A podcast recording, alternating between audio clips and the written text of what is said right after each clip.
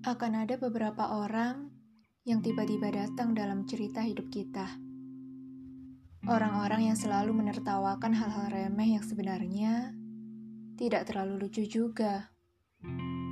Orang-orang yang merangkul di saat air mata kita jatuh tak terkira. Orang-orang yang tidak pergi ketika kita tidak punya apa-apa. Dan orang-orang yang sering kali membuat kita melakukan hal-hal bodoh tak berguna.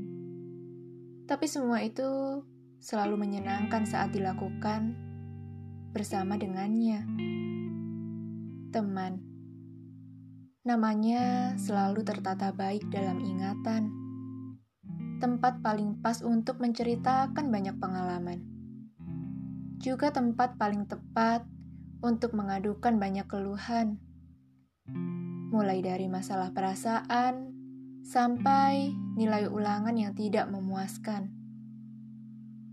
Perihal teman rasanya akan terlalu panjang untuk terus dibahas.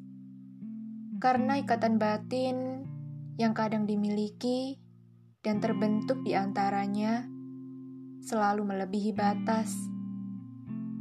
Tidak ada ikatan darah, tapi batas yang bukan lagi angka sebagai ukurannya memiliki nilai berupa cinta.